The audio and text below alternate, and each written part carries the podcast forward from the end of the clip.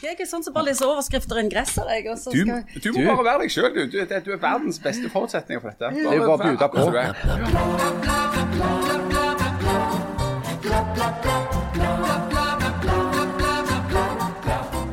Damer, og særlig politikere, og særlig de som ikke er kritthvite, de blir altså hetsa så mye på nettet at dette begynner å bli farlig. Men hva i all verden skal vi gjøre med det? Og ellers, Grand Prix var gale som alltid. Pinsen var en enorm suksess. Norge skal åpnes igjen, og vi stjeler det beste fra NRK Rogaland.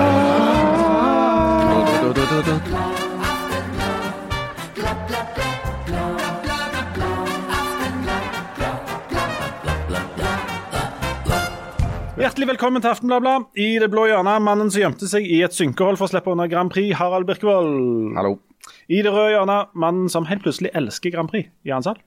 Sjalveis. Og midt i rommet med alle verdens farger, representing NRK Rogaland, Ingvild Bjåland! Det er et eksperiment. ja, det er et eksperiment. Og Janne Stigen Drangsholt har altså tatt fri for å feire den eh, greske nasjonalhøytiden Raki. Hva kan det innebærer. Det er noe du kan drikke. Ja. Så vi har henta inn deg, Ingvild. Um, hvordan har du markert vår favoritthøytid, pinsen? Er du en entusiast på pinsens vegne? Nei, overhodet ikke. Glitteret har lagt seg etter Grand Prix. Jeg har bearbeida inntrykkene. Ja. For du er, er vel den jeg kjenner som er mest entusiastisk på Grand Prix vegne. ja, ja, ja. Jeg var sist i Tel Aviv og Portugal. Eh, Nå, unnskyld meg, men du reiser Altså, Du ser ikke på Grand Prix på, på TV med sånn chips i skål, og du reiser til Grand Prix. Aner ikke hvordan Eurosong Contest er live. Altså, Det foregår i ti dager. Det er fest på fest. Det er euroklubb der alle artistene kommer etter semifinalene. Det er eurokafé der homsene har fest hele uka, og homser tar fest seriøst. Det er de som er de beste festene. Men er ikke du sterkt heterofil og, uh, og, og ikke Jeg forstår ikke hva er det Jeg, jeg skjønner det ikke helt sjøl, men jeg liker homser best. Ja, akkurat. Ja, De tar fest på alvor. Ja. Men du, for dette var vi innom så vidt eh, forrige gang. For noe av det interessante er jo at Eurovision har blitt en sånn homsegreie. Altså, det, det er jo og det er en slags De tok og- det bare fordi dere er hetero bare begynte å gi Ja. beng. Men så er det morsomt at det blir kombinert med at folk på Nærbø og, og, og, og Dombås og sånn, familiene setter seg ned med ostepopen uh, framfor seg, og så setter de seg ned og ser på dette, som egentlig er et enormt sånn her eh, gay parade. Jeg, føler, jeg får litt den samme følelsen som når resten av folket oppdaget Åssi Osborne i det showet. Ja. Og før det så var han min. Og da snakker du når han spilte i Black Sabbath. Ja. Men du, men du Ingvild, du har uh, stundom reist til disse internasjonale finalene. sant? Ja. Frivillig, uten å få betalt for det. Kan kan ikke du fortelle litt om hvordan det er? For det er Det er gali. Jeg vet ikke, ord blir på en måte lutfattige. For det du må på en måte gå i den salen og se hvordan folk har kledd seg, og se hvordan folk nesten blir religiøse i forhold til dette her, og hvordan de reiser med Jeg er jo ikke sånn, for jeg er veldig slurvete sånn, når det kommer til Sånn som jeg sa, jeg leser bare overskrifter og ingress, men de, de har jo de, de, det er poenger, og det er, de les, finleser ting, og jeg får mailer fram og tilbake, og de diskuterer sånn som dere fotballfolk gjør. Men altså, sammenlignet med moteikonet Harald Birkevold så sitter det Hva, Hva? hva mente du med hva? Jeg har på meg rutete skjorte i dag, akkurat nesten lik Jan sin. Vi er veldig fint samkjørt i dag, Harald. Jeg trodde aldri jeg skulle si det. Tone i tone. Men greia er at du hadde falt fullstendig gjennom uh, i, i, i en Grand Prix-setting. Jeg hadde nok det, men jeg var på vei til, på fjells, til fjells. Uh, Når var det det var Grand Prix? Lørdag? Ja. Ja. For der på fredag så kjørte jeg på, opp på hytta, og da hørte jeg et innslag på NRK. Eh, Dagsrevyen eller hva var det? Nei, nei, det var på Det var på Alltid nyheter, tror jeg. Så plutselig så var det jo Nå er vi inne fra Rotterdam, var det ikke det? Ja. Og da var det han som var NRK sin eh, eh, utsendte medarbeider på dette her showet. Og han hørtes ut som han jobbet ikke for NRK, men for eh, en eller annen sånn eh, klubb i, i Rotterdam. Altså, og, og var på en måte en, en integrert del av, av showet. Det blir altså, fort sånn. Ja, for dette, dette var, her var ikke mye objektiv distanse der, kan du si. Nei. Nei men- men, Det er akkurat som sportsreporter. Ja, eller? ja, det blir litt det samme, sant? Ja, ja, At ja. du går 100 Men jeg er sikker på at du, Ja. Harald, du hadde glidd rett inn. For du har et eller annet ved deg som gjør at uh, du liker å være sånn gretten gammel gubbe som er sur på alt og liker å sitte på fjellet for deg sjøl eller i et synkehold. Men jeg er sikker på at hadde du gått inn der, så hadde du gått all in. Ja, da måtte jeg hatt veldig mye narkotika, tror jeg. Ja, Eller- men det tror Det er det jo. Det, har- Ja, ja. det har jeg faktisk fått med meg på NRK, eller på BBC World Service. Det har vært så spennende. Det har vært så mye kokain. Det har vært så spennende. Enormt med kokain på øh, men, Til og med mens de satt Jeg opp. Jeg tror ikke det er enormt med kokain, men det var fryktelig spennende. Dere har jo sett klippet. Ja, ja, ja, Hva tenker du, Jan? Nei, jeg tenkte jo først at det var kokain, men han har jo tatt sånn narkotest, og så var det ikke kokain likevel. Jeg, jeg, når jeg hørte intervjuet med han, så tenkte jeg han har ikke tatt eh, narkotika fordi han hadde for mye selvsikkerhet til det, men det hadde vært sykt spennende. For det, trodde hva Kokain er jo da? selvsikkerhet på en liten pose. Altså, Hva mener du med det? altså, Jeg ville trodd at hvis han var så veldig selvsikker, var det omtrent et bevis på at han hadde holdt på med noe nede i posen. Men det er popkorn. Altså det, og du sitter der og nå, Tenk hvis han hadde brukt narkotika. Ja, hva hadde skjedd Ja, hadde han da rykt ned til andreplass? Er det, Det er det, Det har ikke skjedd Er det før. Vet du doping? Ja, Jens, er det sånn akkurat som idretten, at hvis du doper deg, kan du da vinne? Jeg vet ikke. Jeg synes det, det er en helt absurd tanke for meg at rock- og popstjerner skal holde på med narkotika. det, Nei, kan du der går grensa. Ja, Der hva? går grensa, det mener jeg. Det er helt sjukt. Hva blir det neste? At folk bryter loven? Ja, Ja, nei, det skulle tatt seg ut. Men spør meg om Eurovision nå. Ok. Jan, du har jo hatt et, eh, jeg vil si et avmålt forhold til Eurovision, bortsett eh, fra i ekteskapet. Ja, det er jeg alt annet enn avmålt. Gifte deg Vet du hvem som synger, synger NRK Rogaland? Det sikkert ko- kona di. alltid kona di. Ja. Men eh, det var ikke det som var greia. Jeg, for jeg erklærte tøff og fæl. Jeg liksom lot meg sikkert påvirke av, av Birkevold sin eh, høye og mørke eh, holdning. At jeg skulle absolutt ikke se noe Eurovision. Og hjemme hos oss er det ikke noe stor interesse for Eurovision, på Ja, tross av hennes Ja, Men kona di har jo vært med. Ja, ja, og det, Er det det som er grunnen? Nei, det er ikke grunnen, men hun, er bare ikke, hun har aldri vært noe spesielt interessert i Eurovision. Hverken. Eller, hun var sannsynligvis interessert akkurat der hun var med, men, men etter det så, så er hun liksom litt sånn frafallen. da. Men, så vi skulle liksom ikke se det og alt dette her. Så skjedde det rare at hun hadde vært ut forbi husets fire vegger, og det, da skal du være på vakt. Da har du, har du møtt andre folk med andre interesser enn oss. Um, og folk i det segmentet som elsker Eurovision, som kjenner deg til meg. Ja. Og så kom hun hjem, og så sa hun ja, men vet du hva, Eurovision i år er ikke så gale. Men hva, hadde- hva hadde kona di gjort på en homseklubb i Jeg Stavanger? nei, jeg hadde ikke gjort vært på en homseklubb. Du hadde glidd rett inn. Ja. Ja, jeg hadde, Ja, det jeg hadde så- nei, ja, nei, men nå hadde det vært, jeg hadde vært i, en, oh, ja, vært, ja, i en bil med, med noen.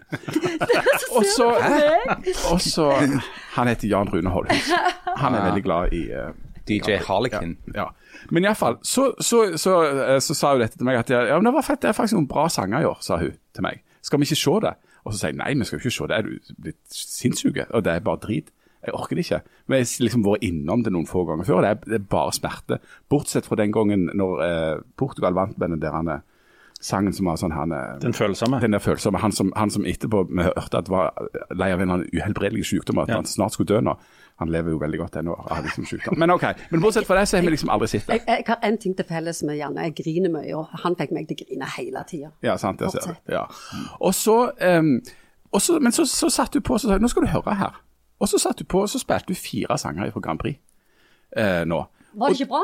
Og så, og så måtte jeg da Sveits, Frankrike? i? Nei, jeg har jo spilt, jeg spilte Frankrike. Frankrike hørtes ut som en blanding av, av Piaf og Brell. Altså Det var en ekte, ekte Piaf-sang. Og jeg igjen, hun er gift med driver og synger sånne sanger. Sveits spilte hun ikke, men hun spilte Finland, som jo var new metal. Og Jeg er ikke noe glad i new metal, men det hørtes iallfall ikke ut som Grand Prix. Så spilte hun Italia, det hørtes ut som Rage Against the Machine. Det er sånn musikk jeg liker. Og så spilte hun ikke Island, hva var den fjerde? Nei, så spilte hun Portugal. Og da sa hun ikke noe, da bare hørte jeg det. Så sa jeg ja, men hun sang jo bra, sa jeg. For det hørtes ut som, som Portugal? Ja, det hørtes ut som ei Var ikke det han som sang sånn det hørtes ut som ei 150 kilos eh, Malta. Snakker du om. Nei, nei, nei. Jeg, sa ikke Jeg sa hva det hørtes ut som. Portugal hørtes ut som en sånn soul-diva for Harlem som sang soul. Og så var det en liten pistrete portugiser. Hørtes ut som. Anastasia. Forferdelig. Ja. Men, men ja, det var, det var ganske, kanskje muligens det, men det hørtes ikke ut som Grand Prix. Så da, det vi gjorde da, det var at vi først var på restaurant, en veldig god restaurant, og åt og hadde vinpakke, og det var voldsomt stas. så kom jeg hjem. Hæ? Ja, og jeg måtte drikke en del av hennes vinpakke. Vi var på, vi var på vi, vi, Vil du si at du var litt på en snurr? Jeg var på en snurr, altså. Var det det som skulle til? Litt alkohol? Ja, litt alkohol. Så kom jeg hjem. Du løsna litt opp i løsna litt fordommene? opp, kom hjem, og da hadde jo Grand Prix vart i én time. Og det som jo er det nydelige, det er vær litt pussa, sett på Grand Prix, og så har du den der spolemuligheten. Så du kan bare spole når det er kjedelig. Og ja. så så Men jeg- jeg- Eurovision med spoling. Dere, hadde, var, Og dere var en time for seint ute, men gikk dere så det fra begynnelsen? Ja, jeg så det fra begynnelsen, men spolte når det var kjedelig. Oi, oi, oi. Leif Tore, syns ikke du det var enormt mye bra låter? Ehm, dette For du satt jo og dekte dette for bladet. det gjorde jeg. Ehm, Ja, ehm, det er det eneste som er leit, at jeg ikke Ja. kan både følge med på deg, Leif Tore, på Ja, For du har denne direkte livechatten som har blitt noe av en altså. Selv jeg som ikke følger med, vet jo at du har en livechat som er blitt en slags kulturinstitusjon. og der gjorde jeg den Jeg gjorde en liten tabbe der. og Den ikke om jeg Fortell om den tabben din. Nei, dette er jo en, en sånn livechat. Det er litt sånn second screening, dere kjenner til det? sant? Altså du, du har en hovedskjerm, og så har du en liten skjerm på sida, så du holder på med noe annet. Og den der chatten vår den er litt sånn mens vi sitter og ser på, kan vi sitte på mobilen og fjolle fram og tilbake. Så, og Der renner det inn med all slags kommentarer og spørsmål. og og så skal, prøver jeg å legge øh, opp til en nokså sånn lett og litt flåsete tone. Og der var det også, Noen ganger så Jeg har jo litt dårlig sånn impulskontroll. Noen ganger så noen ganger klarer jeg bare ikke å holde meg. Jeg vet at ikke, altså, ikke gjør det, ikke gjør det, men jeg klarer ikke å holde meg. Så kom det et spørsmål der eh, det, spurte, det var noen som spurte, tror jeg det første var når kommer han fra England? Der jeg svarte stort sett i helgene. Som jo ja, Det er jo det eneste rette svaret. ja, det er, å- det, det er sånn åpen dør, så jeg klarer ikke å være men, så- men så vet du når du holder på med sånn at det er bensin på bålet. Så resten av kvelden så rant det inn spørsmål om når kommer hva kommer, kommer Stavanger-kameratene? Dagen etterpå, Leif Tore, så gikk jeg inn på den der eh, For for jeg tenkte jeg skal begynne fra starten, og så skal jeg kose meg med det dagen derpå. sant? Eh, Når glitteret hadde lagt seg. Men det var så mye. Jeg kom aldri til bunns. Det det Det tok helt av. det var fryktelig. Og det er, um, det er det er sånn at det er et par timer å sitte og skrive, så må jeg dusje etterpå. For Ja. at det, det, er, det er så hektisk. Men jeg har jo fulgt med på Grand Prix da, både før og etter. Og uh, det er en sånn liten sånn endring i at ba, ikke bare sånn sirkusnummer, sånn som vi hadde for eh, jeg vet ikke, 6, 7, 8, 9, 10 år siden. Da var det veldig, synes jeg det var veldig mye sånn sirkus. Sånne, du kunne stille med sånne oldemødre fra Russland eller litt sånne ting. Eh, det er litt mindre av det. Og så er det noen land nå som har begynt å satse på enten flinke sangere eller gode sanger. Og så på en Det er jo er det, noe helt nytt i Grand Prix. ja, og det er litt sånn amatøropplegg. Folk som en- kan synge ja, senge eller skrive sanger, Ja. de skal jo ikke være med der. Men, og det som er, det som er litt artig, det er jo at de, disse gjør det jo veldig godt. Um, og det, Et, et annet interessant trekk. Jeg leste en analyse av Eurovision i New York Times i helga. Eller si to Jan, analyser av det. det er Jan Salmorden opplever dette. på. Ja, er det noen sånn bøtte? Og det, eh, noe, noe av det interessante er at, som, som de påpekte i New York Times, da, som eh, var veldig opptatt av dette, det var at eh, fire av de fem øverste plassene sang nå på eh, sitt eget språk, f.eks. Tidligere så var det jo sånn eh, kappspringing for å synge på engelsk. For å være liksom, for det første var det at alle måtte synge på sitt eget språk, og så ble det åpent for engelsk, for det var alltid noen som sang engelsk som vant. Og nå er du altså tilbake til at folk synger eh, på, på eget språk, og, de, og det er en del faktisk gode sanger. Så er det en del som er, som er bare Rolls. Den andre analysen handler jo om mote, da. At de mente i New York Times at det var befriende at dette er liksom verdens største TV-show. Eh, Det er en sånn utspråkingsgreie av en helt annen verden, men det er ikke basert på den samme måten utspråking som de holder på med i Hollywood, på sånn rød løper. For det, at dette er ikke de store motehusene. Det er ikke Prada og Versace og, og disse her som har laget disse klærne. Det er noen sånne kostymefolk. Italienerne hadde visst ifra et motehus i Italia, men, men stort sett alle andre er jo bare noe de har funnet på sjøl. Og de, de trekte da fram annet Tix, da, som liksom det, var, derfor- det, det absolutt mest camp-innslaget, det var Tix. sant? Her møter folk opp i englevinger. Er liksom Søstrene Klipp tror jeg ut han eller noe. Men jeg har et spørsmål. Uh, fordi at selv om jeg uh, ikke personlig ser på uh, dette, eh, og definerer meg selv som en person som, som ikke ser på dette, så, så klarer jeg jo liksom ikke å unngå å følge litt med. Eh, altså på debatten om debatten, kan du si. Og så har jeg et spørsmål til deg, Bjorland. for det at du er jo en slags entusiast i denne sammenheng. Du reiser til sånn. Men gjør du det med en slags form for sånn ironisk distanse? Absolutt ikke. Nei. Hvordan forholder ordentlige Eurovision-fans seg til de som ser på det ironisk? Det det det har jeg merket mye i Det er det som er kult med den gjengen. gjengen. Og, og det er faktisk noe som er underkommunisert. Mm. Det, den type folk som er der, det er mye Det er all slags kreative, kreative rare Eh, Mange vet ikke kjønn de er ennå. Altså, det, er en sånn, det er så inkluderende at det er ingen som springer rundt og kritiserer. Det er bare åpne armer og kom her, og ingen kritiske spørsmål. Det er bare sånn velkommen skal okay. du være. Takk for at du vil Nei, være med på denne festen. Min feed er full av folk som eh, på den kvelden sitter og kommenterer ironisk. Altså De ser på, men de er nødt til å fortelle gjennom kommentarene at de syns det er greit, egentlig drit, Ja, men mange- de ser på ja. likevel. Uh, og de, de tenker hadde jeg tenkt Hvis jeg var en ordentlig entusiast, hadde jeg syntes at sånne folk er ekstremt irriterende. Det er det er forskjellen på sånn fotballfolk og alle andre folk. Men jeg skal, jeg skal også si at det er den eneste kvelden i år jeg tillater meg selv å mobbe og slenge drit. Altså når jeg sitter, Hvis jeg er hjemme og ikke får reist, og sitter på Twitter, da har jeg lov til å melde noe om eh, stemmer og utseende og klesstil og hva i granskauen. Altså, fordi det er så gøy. Og folk øver jo, prøver jo å overgå hverandre i sånn Fornærmelser. i fornærmelser. For at resten av året så har jeg ikke lov. Men, men da blir du altså plutselig et nettroll for en kveld. Dette var interessant. Dette var en fin Ja, men- overgang til Ja, men, ja, men det, vi kaller det gladhating. Ja, klart. Altså, vi elsker jo alle, Ja. og så er det bare det, Se den gule dress. Og så Altså, er det noe med, med at det der Grand Prix-formatet det legger, altså Til og med artistene spiller jo på en måte opp til, dis, til disse tingene. ikke sant? For det, det er ingen av de som hadde den der, er- sånn, sånn som den der his- backstoryen til Tix eller til en del av de andre deltakerne handler jo om akkurat det de ser og det de spiller ut på scenen. Så det er en liten sånn åpning for um, um, for å liksom dra til litt. Eh, og så kan vi jo krangle om det etterpå, da. Men um, Men det er jo ikke, det er jo ikke, det er jo ikke netthets. Nei, det- Du det- sier Nei, det er sånn, har dere hørt om homsepitching? Hæ? homsebitching? Nei, Altså, det er en stil jeg er- bare. Altså, du, at du, du er, når du er på fest, så sitter der to som som kjempegode kompiser, liker hverandre kjempegodt, og bitcher og sier, slenger spydigheter hele tida. Og så Ja, sånn, betyr ja. det Altså, det er en lek. Det, Ja. Alt er bare gøy. Det er ingenting ondskapsfullt i det. Ikke noe stygt. Altså, eh, Ligner det på roasting? Ja. Ja. Men, ikke, ja, men bare det litt finnes ikke noen gode norske Sånn uttrykk for sånn som gode venner kan eh, Bitching og roasting, liksom. Bare litt. Drittslenging. altså, ja, Drittslenging, ja. Men, men drittslenging kan jo skjære seg i det sosiale. Men drittslenging rom. med glimt i øyet, da, Ja. kan du si. Ja, og der er det jo eh, mange av oss som har um, som av og til får målt hvor grensene for å være litt frisk i kommentaren, som det heter, og eh, gå over på ren sånn hets, eh, hvor den ligger hen. Denne uka her, eller sist uke, så uh, dukket det jo opp det som eh, vel må, med skam må si blitt en sånn klassiker i norsk offentlighet, nemlig hetsingen av um, politikere, kvinnelige politikere. Um, det, det, altså Lan Marie Berg, som er miljø- og samferdselsbyråd i Oslo, ikke sant, for MDG, for MDG, ja. og stortingskandidat, um, hun mottar store mengder uh, hets og trusler på nettet. og um, Med litt sånn ujevne mellomrom så dukker disse tingene opp. Nå var det vel han uh, Klungtveit i Filter, som, um, Filter Nyheter som uh, la ut en sånn post der han hadde tog, sett på noen av disse her uh, truslene som denne politikeren da mottar. Eh, som òg fikk Tina Bru i Høyre Statsråd fra Statsråd, Høyre. Olje- og energiminister. fra Rogaland, tross dialekten, til å på en måte Banna. ja, Hun fram- bante. Ja. hun sa at nå er det faen meg nok. Ja, ja.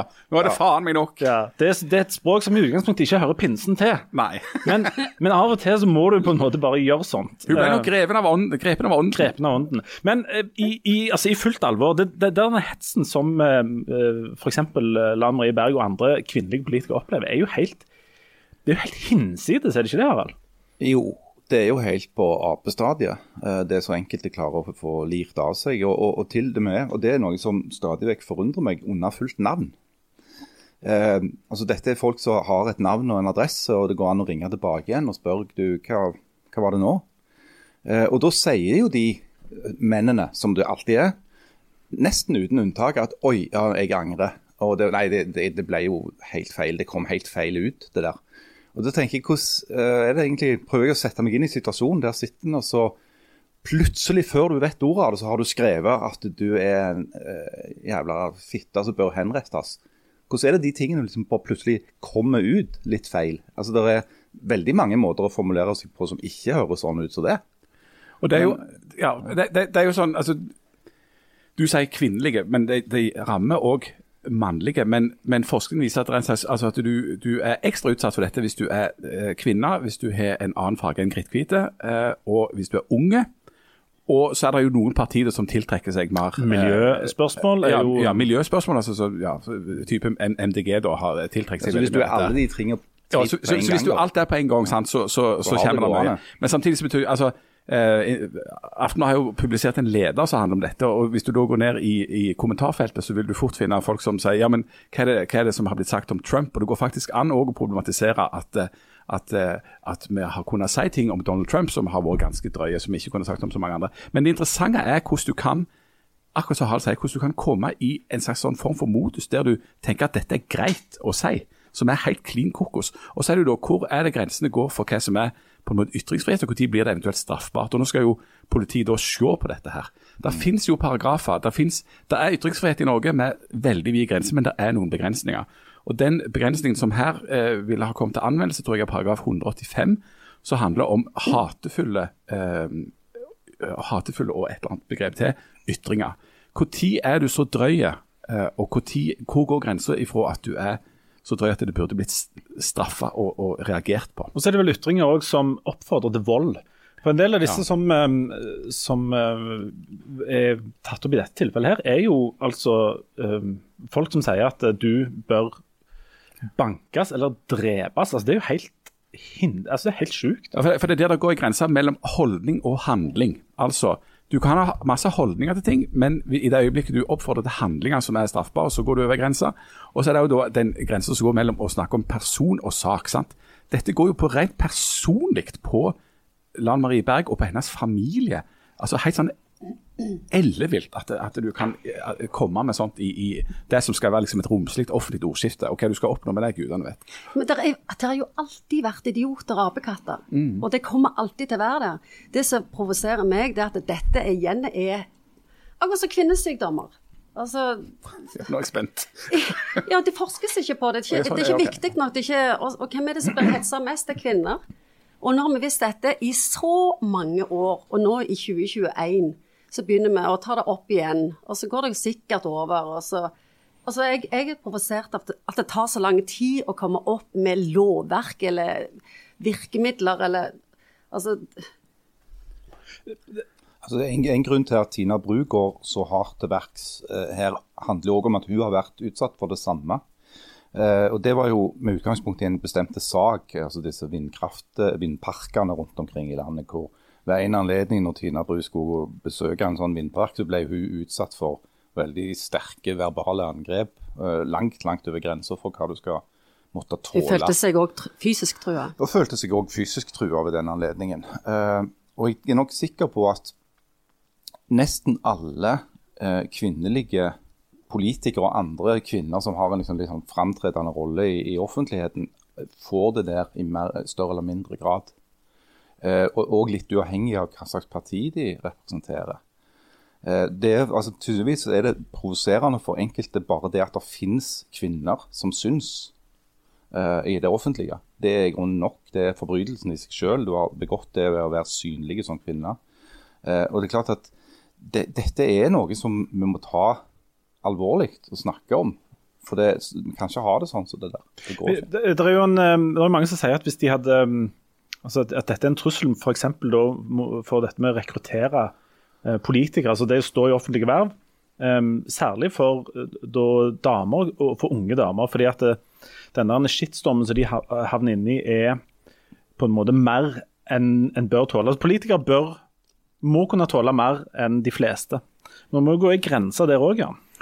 Ja, det må gå noen grenser. Um, igjen, bare for the record, det er eh, masse menn òg som blir hetsa og som opplever hets, men det viser seg at det, at, at, at det går vel, det går kanskje hardere ut over damene, men det er òg flere av damene som, som, som blir stillere av det, altså som tar, tar det mer til seg. sånn at det, det, er, en, en, er en, en større skadelig effekt der for mange enn, enn det er for en del menn, viser det seg. Men, men det må gå noen grenser. Um, og så er det igjen, altså det handler, sant? Det, det jeg ikke forstår er Hvordan er det vi skal nå fram? Hva er det en skal få gjort med det? Hvordan skal en nå disse folka, disse mennene som da sitter i, i sine lønnkammer rundt omkring i sine kjellere? Eh, er det det altså Lovgivningen ligger der på en måte. Du skulle trodd folkeskikk lå der. Du skulle trodd at de blir utsatt vil jeg sagt, for unisone fordømming. Det er jo ingen på en måte i det offentlige rom som syns dette er topp, og at det, dette var godt sagt, eller noe sånt som dette er. Så, så hvor de på en måte får en slags feedback på, eller hvor de får ifra at dette skulle være greit, det forstår jeg ikke. Og så Hvordan når vi de da i den der kjelleren eller det ekkokammeret eller den der bitte lille plassen der de sitter? Ingen vil jo ha svar på dette. Ja, ja. Ja, men det var, Ja, kom igjen. Nei, hva-? Jeg bare har et forslag. Hva om de måtte gå i sånn uh, anger management, sånn som det andre må, på en måte. Uh, hvis du skal skille deg, så må du gå til mekling. Eh, det er pålagt. Og, Det vet jeg alt om. Hæ? Mange meklinger. Harald har vært i mekling siden 89, kontinuerlig. Kontinuerlig mekling siden sent 80-tallet. Ja. Ja. Men jeg tror at det har hatt noe for seg. Altså, altså få litt undervisning. Og det, og det hadde òg vært litt skamfullt å måtte gå til en sånn klasse. Mitt, eh, mitt innspill har jo lenge vært at uh, internett bør være behovsprøvd. Eh, så en eller annen form for sånn, en minstekrav til kompetanse før du får lov til å få fiber i huset, det syns jeg kunne være altså, altså, Avisene har jo hatt dette som et, som et uh, dilemma etter at internettet kom. For på en måte så er det noe veldig flott over internett med at det er, liksom, det er free speech. Alle, alle kan snakke, alle kan hevde seg. Alle har en arena. Tidligere så var det sånn at du måtte bli akseptert av debattredaktøren i en avis hvis du skulle få et eller annet på trykk som var i det offentlige rom. Nå kan alle hevde seg. Og, så, eh, og der er det noe sånn demokratiserende. Da er det liksom ikke noen sånn portvokter som setter krav til at du skal kunne rettskriving eller kommareglene for at du skal slippe til. sant? Det er det optimistiske synet. Og En stund så var det jo sånn i, i kommentarfeltet på, i avisene at folk bare skrev i vei. Eh, for dette det skulle være et slags berikelse i den offentlige debatten. Og Så viste det seg at det ble jo en kloakkifisering av den offentlige debatten, som har ført til at avisene i dag redigerer sine kommentarfelt og sine debattfelt, for de har tatt et slags redaktøransvar, og mange har stengt det. Det finnes enkelte saker Aftenbladet ikke kan ha åpne kommentarfelt på, fordi vi vet hvordan det går. alltid. Det er jo det er hele tiden noen få da som dominerer noe kolossalt. Men det er en eh, aviser og redigerte medier de tar et slags tak og redigerer dette. Dette er jo et gjennomgående eh, spørsmål for, eksempel for Facebook. Har Facebook noe ansvar for det som står på Facebook? Har de, an, har de redaktøransvar? Eh, kan Mark Zuckerberg lastes for at Facebook blir brukt av noen galninger til å sitte og skrive helt vanvittige ting Ja, om Tina Bru? Facebook tok jo det der Heidi- såkalte redaktøransvaret sitt når de stengte ute Trump. Etter Ja, det som skjedde 6.1 i Kongressen. Ja. Eh, Så, men det er et eh, altså For å ta et helt konkret eksempel fra Stavanger Aftenblad, da, så er det sånn at når Aftenbladet setter på trykk f.eks. kronikker og leserbrev fra yngre politikere, eh, av begge kjønn, men særlig når det gjelder eh, kvinnelige, dessverre, så har vi ikke lenger kommentarfelt på de. Nei. Fordi at det, det viser seg at gang på gang på gang på gang så kommer det sånne angrep som går på kjønn og seksualitet og alder og hudfarge. Så det, vi må bare slutte med det. Og det, det er jo litt sånn deprimerende at det skal være sånn, men sånn er det. Hvordan altså. vil Stortinget se ut om en del år hvis alle har elefanthud som sitter der, eller har en syke som gjør at ingenting går inn på dem? Ja, det er jo det som er, det er, det som er faren med, med dette, er at du ehm, Vi liker jo ikke at politikerne blir sånne broilere der alle er omtrent helt like, aldri har eh, jobbet og er helt sånn umenneskelige. Folk vil ikke ha det.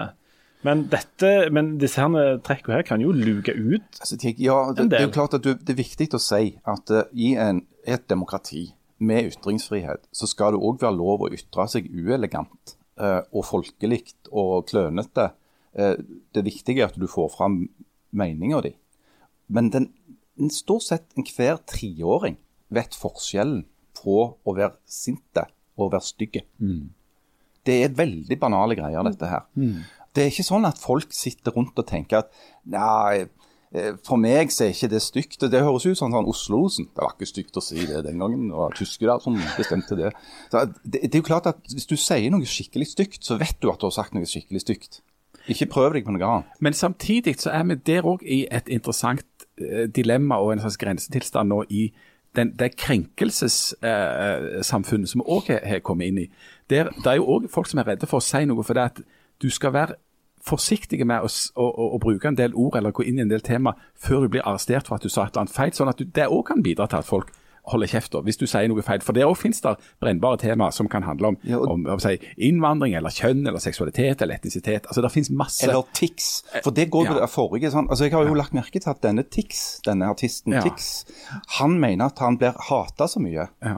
Eh, Og, og denne voldsomme hatet, og det er hvis at folk f.eks. sier at de ikke liker han, altså som artist, ikke som menneske, Ja. da er det hets og hat.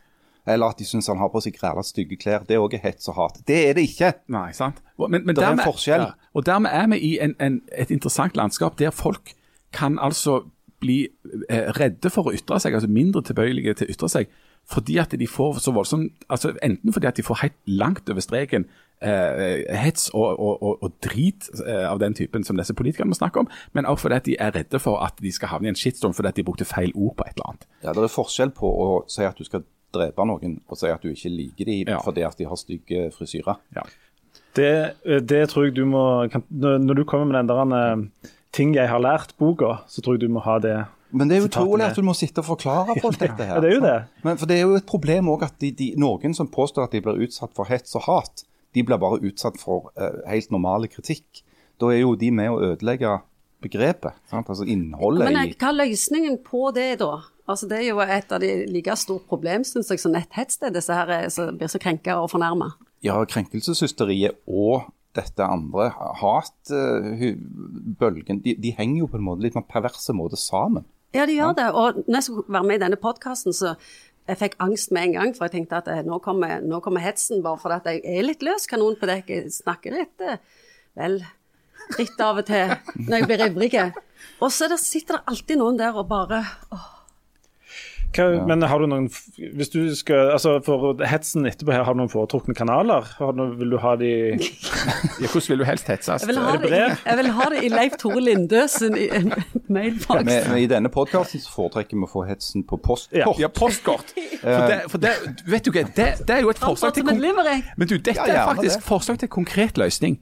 At hvis folk sitter der og koker, at de heller skriver det ned på et postkort, og sender det til oss? går og så, og så slikker på en sånn frimerke, og så sender det til oss. Eh, og sånn. Det tror jeg ville ha dempa konfliktnivået. Ja, for da går det litt tid. Ja. Hun, hun som jeg er, er forlovet med for tiden, Ja. hun sa til meg, for hun hadde vært og sett på den chatten til Leif Tore under og Grand Prix, at der var det til og med der så var det noen som kom dragende med dette synkehullet. Ja. ja. Og lurte på om det var sånn at Birkevold kunne rimes med synkehull i en limerick. Det syns jeg var såpass dårlig at jeg syns det nesten var bra. Ja, men det sprer seg, vet du. Men du, vet du det er et veldig godt, eh, veldig godt forslag. Hvis dere har noen, hvis dere tenker i deres indre at jeg er nødt til å skjelle ut noen, um, kanskje drapstrua litt, grann, komme med noen kommentarer som overhodet ikke egner seg på trykk. Ikke skriv det ned på internett og send det på- det til ei unge jente som eh, holder på med politikk. Skriv det på et postkort og send det til oss. Ja, og adressen har alle. Postboks Stavanger 18, postboks 229 4000 Stavanger. Ja. Og der, Det første gang du har sagt den helt rett. Det er øvd så lenge da. nå. ja, jeg har. ta merk de eh, postkortene med Harald Birkevold, og så skjeller dere ut enten oss På eller det noe groveste. På det groveste. og hvis dere klarer å gjøre det Hvis dere klarer å gjøre det på en underholdende måte, kan det være at vi leser det opp Ja, høyt. og Da skal det være godt Ja, eh, da skal skjelt ut. og så- ellers er det bare å skjelle og smelle. Og hvis dere tenker at dere skal heller sende dette direkte til f.eks. En, en kvinnelig politiker, så anbefaler jeg å finne et veldig stort batteri, og så slikker dere litt på det. Vi, må ta, vi må ta en bitte liten pause, og så kommer vi straks tilbake med ymse og diverse, og så skal vi finne ut eh, hva som er den mest kjente personen Ingvild Bjorland noen gang har møtt. Vi er øyeblikket. Hjertelig velkommen tilbake til Aftenbladet. Eller Ingvild og de, som det nå heter. Etter at eh, Janne Stigen Drangsholt begynte med sånn professorale ting. Men du, før vi går videre med noen ting som helst, eh, så er det noe jeg vil ta opp når det gjelder dette med både synkehold og narkotika. Um, som Det høres ut som mitt spesialområde. Ja, ja, ja, det høres jo, det hører jo pinsen til Ja, på mange det- måter. Både synkehull og narkotika. Ja, nå er det jo sånn at uh, vi har blitt så moderne her i Ingvild og de at vi har oppretta en egen uh, Instagram-konto som heter Aftenbladblad. Vi bruker liksom det gamle navnet bare som merkevare. Men uh, der ble der nå i helga, helga posta et bilde av et bitte, bitte lite hull i bakken. Nesten så lite som det som var i hagen til Harald Birkevold, som han har skrytt og gjort seg store på. mye større enn det Ja, ja, tullehullet et der. bitte, bitte lite hull. Men på sida av det hullet, der sto der et menneske i treningsbuksa og en litt sånn slappetopp og så ei hue på seg. Og hadde jeg ikke visst bedre, så ville jeg tenkt at der står det en skikkelig narkomaner. Eller Det er- sånn, altså, kjører rundt i sånne ja, med Ja. utenlandske skilt og så stjeler. Ja, altså det så ut som en Ja, det så ut som en eh, det så ut som en heroinist, men det interessante var at det var avholdsmennesket, misjonærsønnen og søndagsskolelæreren Leif Tore Lindø, hva er det du har holdt på med i pinsen, egentlig? Nei, altså, jeg har jo feira pinsen på tradisjonell eh, misjonærbarnaktig vis, nemlig å gå rundt i nabolaget i forbønn for forskjellige borettslag, Ja og på jakt etter synkehull og eh, sånne duer, selvdøde duer som du kan ha i en salat dagen etterpå. Og så var vi ute på en av disse vandringene. Jeg kler meg jo alltid opp. Ja, i, i det, Var dette en slags form for fritidsklær? Eller altså går du Jeg på, når jeg hadde hovedjoggebukser som jeg har arva av en kamerat. Han er lærer på Gann videregående. Står det Gann videregående på? Gann videregående best på trening i sentrum, står det. Ja. Den er såpass gammel at Gann videregående, idrettslinja der, den har flytta på Sandnes videregående for 100 år siden. Men når han ikke bruker klærne sine lenger, så får jeg de. Ja, ja, ja. Og det er et- en helt utrolig god ordning, fordi at han er bare et par størrelser større enn meg. Så hvis jeg bare snorper og snører disse tingene godt igjen, så ser jeg etter mine Sånn som jeg klarer å bedømme det, jeg ser jeg, det er top Ja. notch. Ja, men du, hun- men du ser ut som du går på heroin. Hun, Ja. Han var preget av Den hellige ånd. hun som du er gifte gift, gift med, Ja. eh, hun driver jo på med litt sånn klær og sånn design og sånn greier. Hun er en såkalt uh, estetisk perle. En estetisk perle. Eh, hva, hvordan, eh, hva syns hun om dette? Du har vært gift mange nok ganger til å vite at eh, de gir deg jo opp tidlig. Eller i hvert fall skjer det, har det skjedd det hos oss. At når en på en måte var gift, så fant hun ut at her er det ikke mer å, å hente. Nei. Bortsett fra muligens eh, noe pensjon eller eh, litt eh, hjelp til å flytte noen skap. Nei, altså Kona mi er jo et vakkert menneske som kler seg, i, seg fint og syr veldig fine klær. Og si at du har uh, Hun har aldri sydd noe til deg. Nei, hun truer med det, men uh, hun syr av alle tingene vi har hjemme, så jeg er livredd for at ting skal forsvinne. Men uh, si at du i et forhold da har 100 sånne estetikkpoeng til, til fordeling. Så vil jeg si, altså vet ikke hvordan det er hos dere, Jan, men kanskje dere har delt i 60-40, 70-30? Sånn 20-80 ca. 20-80, ja. Ja. Ok, Harald, dere har delt i 50-50. 50-50. Hos oss er det 100-0. Det er det, Men ja. Sigrid, vil du ha 100, 100 estetikkpoeng? Jeg vet så så ikke hva estetikkpoeng er for noe. dere ser ut alle tre som dere har kledd dere sjøl. Ja, ja. Er det, er det en fornærmelse eller et kompliment? Det er en fornærmelse. Det er en fornærmelse. Ok, men greit. Da er det, er det noen som føler seg krenka? Nei, nei, vi tåler det. Vi har tjukke hud, ja. Dere er jo helt prikkelig kledd, har dere sett? ja det, det var litt, u, litt uvant meg og Birkvold, men vi må ta bilde av dette etterpå. Det er helt Av til skjorte. Um, men altså dette kostymet, hvis dere ser på, på UDP Instagram-kontoen vår, så kan dere se meg i dette kostymet, men det, men det synkehullet. ja. Og her kommer, her kommer det dramatiske inn i bildet. Jeg så to synkehull på veien. Hvor, var, hvor var dette? Nei, Det var, i, det var på det som jeg liker å kalle Øvre Mosvangen. Sier du det? Kjensvoll, altså. Ja. Um, det var to synkehull. Og uh, det, begge to var rett på siden av sånne kummer. Å, dæven steike. Ja. Så jeg bare Men er det, hva er det som skjer? Er, er dette, altså det er, min teori er at dette er en, den baksida av å være oljefylke Rogaland. Altså at Ja. en har drevet og båret så mye hull rundt omkring i bakken og, og grunnen Du vet under dette fylket. ligger Ja, men du, er du sitter i denne ledningene som de bor med, de kan gå på, sånn, på et kryss og tvers og gå nedover og gå sidelengs. Og, sånt. og jeg tror at den er båret så langt at rett og slett eh, at hele Rogaland fylke ser ut som en, som en sveitserost. At det er så mye hull der nå at nå begynner det å synke. Det foregår fracking uten at vi vet om det. Ja. Hele Kongsgade Kongsgata er et synkehull. Ja, sant? Kongsgade er et synkehull, ikke minst. Og jeg, jeg, der sykla jeg eh, nesten nede i et synkehull her en dag. Det er livsfarlig. Jeg Det er så ikke så en rullestol i den gata, halve og da ble jeg liksom, sint. Berglandsgata rant ned bakken Ja. ned forbi tinghuset. Og jeg fikk eh, tilsendt en video, en enormt dramatisk video der, eh, fra Haugesunds Avis. Der eh, det var ei drone som fløy inn over et område. Der er ei drone, som de ja, det der. ei drone der, da. Ja. Jeg tror det heter. Jeg tror det heter drone der, da. Fykende der. Ja. Ja. Over eh, noen sto reparert et synkehull. Et svært synkehull. Jeg slengte av hele gata. Jeg er veldig glad for at eh, det sto i videoen at det var et synkehull, ellers hadde jeg ikke sett at det var synkehull. Men, men det var ganske dramatiske bilder. Visst. Hvis dere vet om synkehull der ute, hvis dere har et synkehull i nærheten av dere sjøl Jeg har. Ja, vi vet du har, eller en slags dump har du. Men vi, vi, Harald vil gjerne ta imot, ta imot tips om synkehold. Send det på et postkort. sammen med hets. sende et synkehold på et postkort. Det er tips om synkehold sammen med hets eh, og, og sjikane og lett tilslørte drapstrusler til Stavanger Aftenblad. Gjerne i limerick-form. Jeg syns Gjerne i at hvis ja. en først, først skal Ja. fornærme, så er limericken den beste måten å gjøre det på. All right. Hva er det som synker, synker på Nei, Nei. rimer på synkehold bortsett fra virkevold? Ja, Det er nesten ingenting, men det betyr at alle synkehold primært handler om deg. Ja. Um, du, med Hysj nå med den riminga. La folk ordne dette sjøl. Det, altså Den hetsen den trenger, trenger ikke være på rim, men vi, får, med trål, men vi foretrekker det. I et synkehull. Hets som sonette, det tror jeg er til gode å oppleve, altså. tror det må kjempefint. Du, Vi er i ferd med å gå inn i en ny sånn uh, åpning av landet-periode Ja. nå. Um, vet ikke om du, Har du Ingvild, markert den forrige åpningen av landet på noe vis? Absolutt ikke.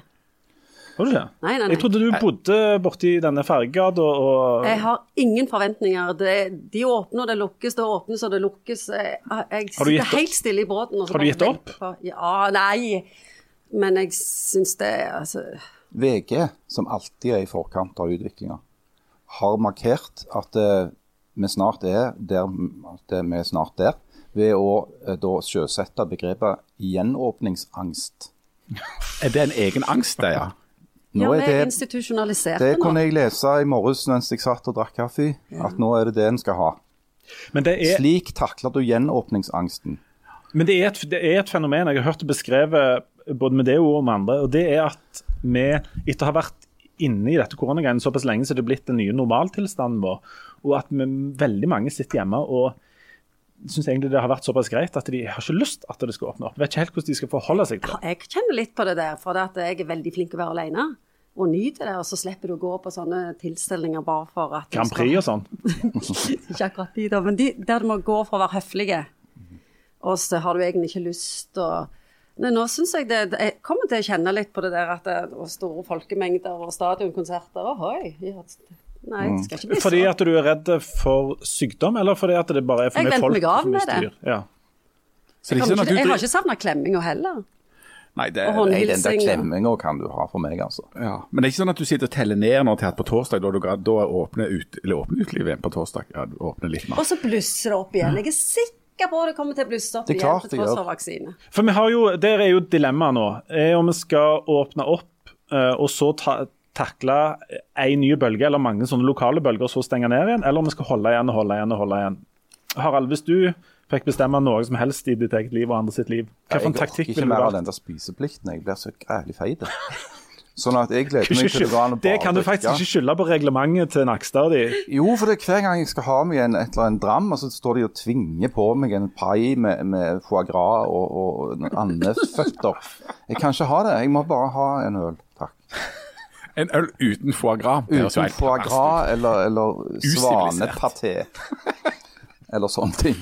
Ikke ha det. Jeg vil bare ha, bare ha alkohol, ikke mat. Takk. Akkurat. Men ja. Tiltredes. Ja, det er et dilemma her, sant? Ja. um, om vi skal åpne opp og ta litt større, litt mer sjanser, for det, det gjør vi jo etter. Til og med Nakstad har jo sagt at uh, dette kommer nok til å føre til høyere tall, flere syke og økning i sykehusinnleggelser, og at det må strammes til lokalt rundt omkring. Hvis de nasjonale retningslinjene mykes opp. Men samtidig er det jo sånn at fordi at vaksineringa, selv om det føles for meg uvaksinert som at det går kjempeseint og irriterende seint, så er det jo sånn at risikogruppene stort sett er ferdigvaksinert. Og Det betyr at selv med økende smitte, og med, med, om det blir noe mer smitte rundt omkring i samfunnet, og det blir noen som blir noe syke, så, kommer, så er sannsynligheten veldig liten for at det blir alvorlig sykdom og død. Og Det er jo det som er på en måte den ultimate Ja, testen. så er det på så mange som er vaksinerte at du får ikke sånn masse altså vi, Noen av oss kommer til å overleve. For Ja. eksempel meg. Ja. Neste gang vi møtes, så har jo jeg og jeg fullvaksinert. ja, det er så sant. Sånne, sånne som deg dør aldri, Harald. Nei, aldri, aldri. Sånne som alltid feiler et eller annet. Det sa de om så Lemmy òg. Ja. Det sa de om Lemmy òg. Men noe av det interessante her er jo, er jo at det finnes jo foreløpig ikke noen godkjent eh, vaksine for barn. sant? Og, og Så lenge det ikke finnes noe for de under 18, så utgjør jo de under 18 la oss si 20% av befolkningen. Eller noe sånt som det er. Eh, så, så det kan godt hende at det der kommer til å fortsette å være ganske mye korona der, hvis de ikke finner på et eller annet. Men skulle de ikke prøve en eller annen vaksine? Eller så hadde det blitt godkjent for litt yngre mennesker òg. jeg tror det er godkjent ned til 16, og det, og det er under utprøving og testing ned til 12. Ja. Sånn at det før Det eller går seg nok senere til. ja, så vil det nok gå seg til. Men, men det er nettopp det der med Skal du tolerere at det er smitte, og at, det er, at sykdommen finnes i samfunnet, men allikevel åpne opp for å få gang på livet og på, på økonomien og alt det greiene der. Eh, og Det er jo en sånn risikovurdering. og der... Kan eh, jeg svare på det? Ja. Ja. ja jeg. Jeg, skal si, jeg er enig med de som kan det. Men altså, det, det er jo ikke sånn at er noen som tror at vi skal ha noen nulltoleranse for korona. Altså, men det er jo Hvert år, et normalt år så er det jo en god del folk som dør av influen, helt vanlig influensa. Så vi har jo på en måte akseptert som samfunn at litt influensa, det må, må vi leve med. Ja, Og så er det Sånn blir det vel med Ja, men kommer vi til å fortsette med det? Jeg har en sånn ekkel sånn Akkurat så jeg ikke kan se for meg at det blir akkurat sånn som det var før. At vi alle har blitt forandra, og at eh, det kommer til det kan jo være være litt restriksjoner ved store arrangementer. Hæ? At vi blir kvitt den klemminga permanent. Det er en god ting. Ja. Og så kommer det jo til å dukke opp med, altså i mange år framover antageligvis sånne øh, spor, altså en mutasjon her. Ja. Og plutselig så dukker det opp noe i f.eks.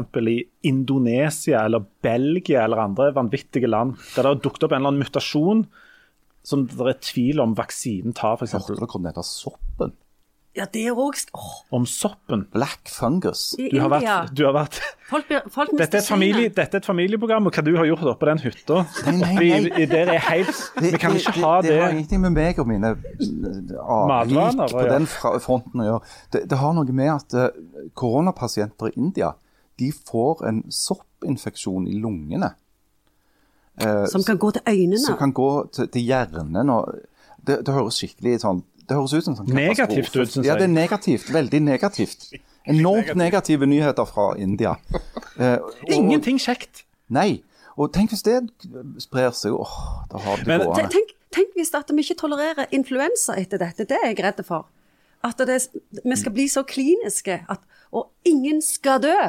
Akkurat som vi har nulltoleranse i trafikken og nulltoleranse all over the place. Plutselig så er det noen Ingen skal dø av influensa. Ja, må... så jeg er så redd at mitt liv skal bli begrensa i mange år fram i tid. For at, nei, nå har vi lært hvordan vi skal eh, unngå dette her. Ja, for vi må jo, vi må jo Det er et veldig godt poeng, det. For det vi må jo liksom hele tiden altså Immunforsvaret vårt trenger jo å bli utsatt for ting.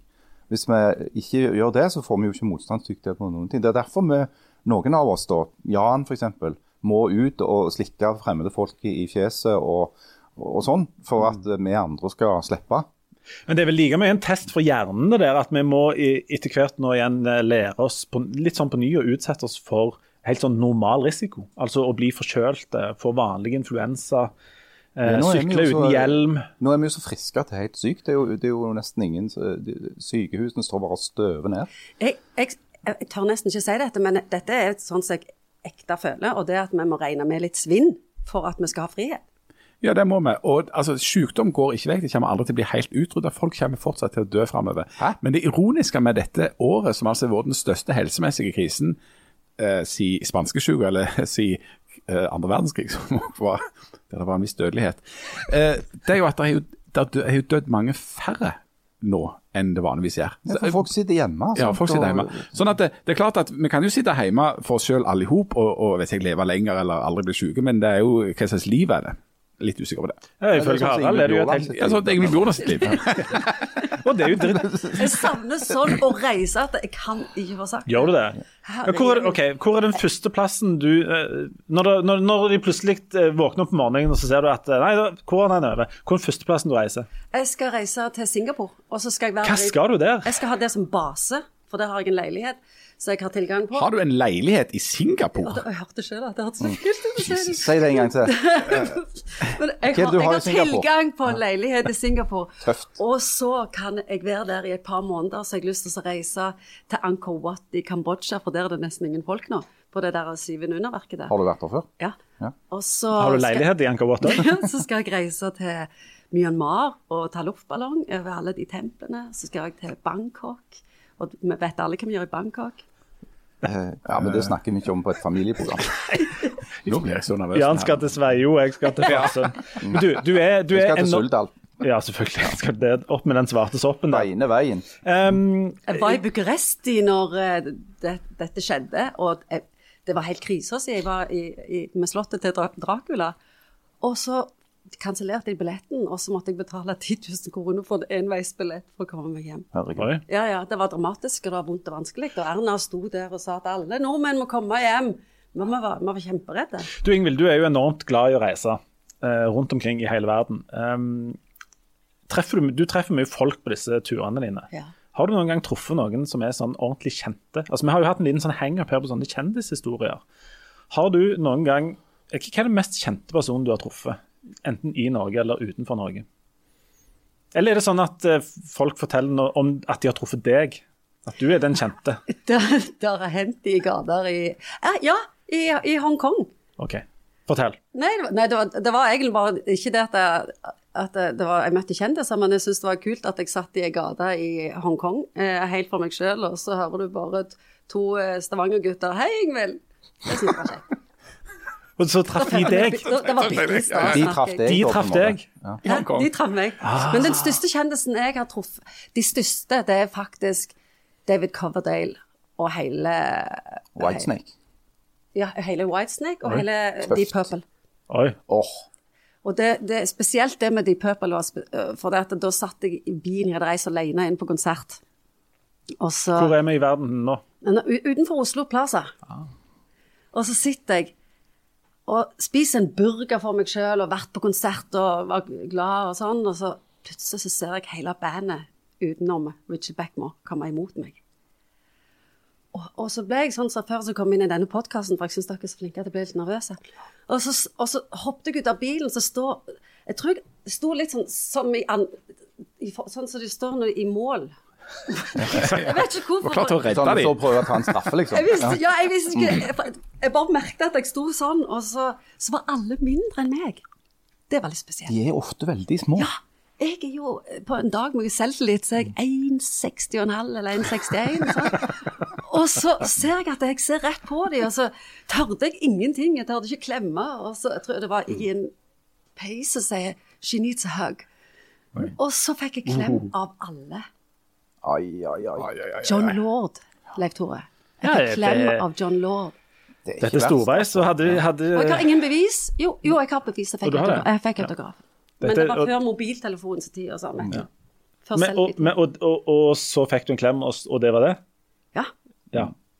Det er rart det der med, med Jeg tenkte på det, det der med å være kjent eller kjendis. Det, det er jo veldig sånn alt etter hvem du spør. For det at jeg kom plutselig på at det mest kjente mennesket jeg sannsynligvis har truffet, er jo ikke liksom Lou Reed eller Van Morrison eller sånt. Det er jo rett og slett Ole Gunnar Solskjær. ja. Ja, det, han må jo være den overlegent mest kjente nordmannen i verden. Og en av de mest, han er jo trener til Manchester United. ja det er han, også, han er Braut. Han må jo være en av de mest kjente personene i verden. Ja, men han er ikke truffet Erling Braut Haaland. Hvem er det som er mest kjent av, av Erling Braut Haaland og Ole Gunnar Solskjær akkurat nå? Solskjær. Ja, Solskjær, det Solskjær, Solskjær tror jeg. Ja, det- Ja. Det, det, det, jeg tror det er, det er snart likt. Men For Solskjær, Solskjær er kjent òg for folk som ikke er spesielt interessert i fotball. Er Stoltenberg det? Jens? Ja, men jo. I litt andre, i litt andre kretser. Ja, litt andre kretser, men òg over, over, det er overlapp. Ja. Det er mange som er interessert i politikk og fotball. Det er helt sant. Men, eh, men disse traff du forbi eh, Oslo Plaza, og det er Ellers er altså, og så er det så fortvilt at jeg, at jeg ble Jeg frøs akkurat som et dådyr, vet du. At jeg fikk ikke gjort noe mer ut av det. Ja, men hva skal du gjøre Hva da? ville du gjort, hva ville du gjort ut av det? Du ville vil logge med hele gjengen. da. Nei, akkurat. Tidenes, eh, nei, nei. Dette er et familieprogram på Jordland. Dette, Dette syns jeg, dette synes jeg endte veldig godt. Det gjelder. Det er viktig å bjude på. er det sånn at det, du egentlig er glad at det ikke er bildebevis for resten av denne kvelden? Jeg er, så, jeg er så glad for at du sa det sjøl, at ellers hadde vi havna over i sånn hets. Så det blir sånn hets. Ja. Det like greit å bare legge, legge fram det. Hvis dere, hvis dere fra Deep Purple og de hører på dette er det, nei, Jeg tror John Lord hører Han så dårlig nå. han er død, Han er, han er død. ja, Han hører Han er veldig dårlig. Særlig han er- etter han døde hører han jo omtrent Jeg tror trodde rett og slett ville vært kriminelt å ligge med han nå. Nei, det er, er det kriminelt? Ja, ja, ja, ja, ja, ja. Er mye. Dette er et familieprogram. Jeg savner Janne. Jeg har lagt om Janne. Han er så trygg og god. Åh, Sånn går det når du får NRK Rogaland inn i studio. Da er det, ender du opp på å diskutere om det er kriminelt. Ok. Du, Vi er nødt til å takke for oss. Neste uke så tror jeg muligens at hun Janne Judas Iskariot eh, Stigen Brangsholt er ferdige med denne markeringen av den eh, greske nasjonalhøytiden Raki, som hun er ute og markerer. De feirer den i en hel uke, har jeg forstått. Ja. Og så er det vel sånn at av og til så sklir det over i denne Ozo-feiringen. Ja, det vet, går rett over. Av og til så gjør det det. Om de har på seg sånne sokker med dusker på, det er, det bare et lite sånn rart sånn sidelengs med sånne tørkle imellom seg. Ja, Det er ja. gjerne jeg holder på med nå. Det, Raki er tredje torsdagen etter første etter, søndagen etter Fullmåne. etter Raki. Etter Raki. Ja, men er etter fullmåne. Etter andre fullmåne. Det samme regnestykket ja, som i pinsen, Ja. bare at du deler det på seg sjøl. Ja. Liksom Og da kommer jeg. du fram til noe helt annet. Ja. Ja. Så hvis vi klarer å lokke Janne ut av dette, så kan det være at hun er tilbake igjen. Hvis ikke så har vi jo verdens beste vikar. Ja, vi har Men det. jeg bør egentlig beskyttes mot meg sjøl. Nei, du bør ikke det. Du bør, fra nå av så tror jeg bare du er Det er vel egentlig Deep Purple som bør beskyttes mot deg.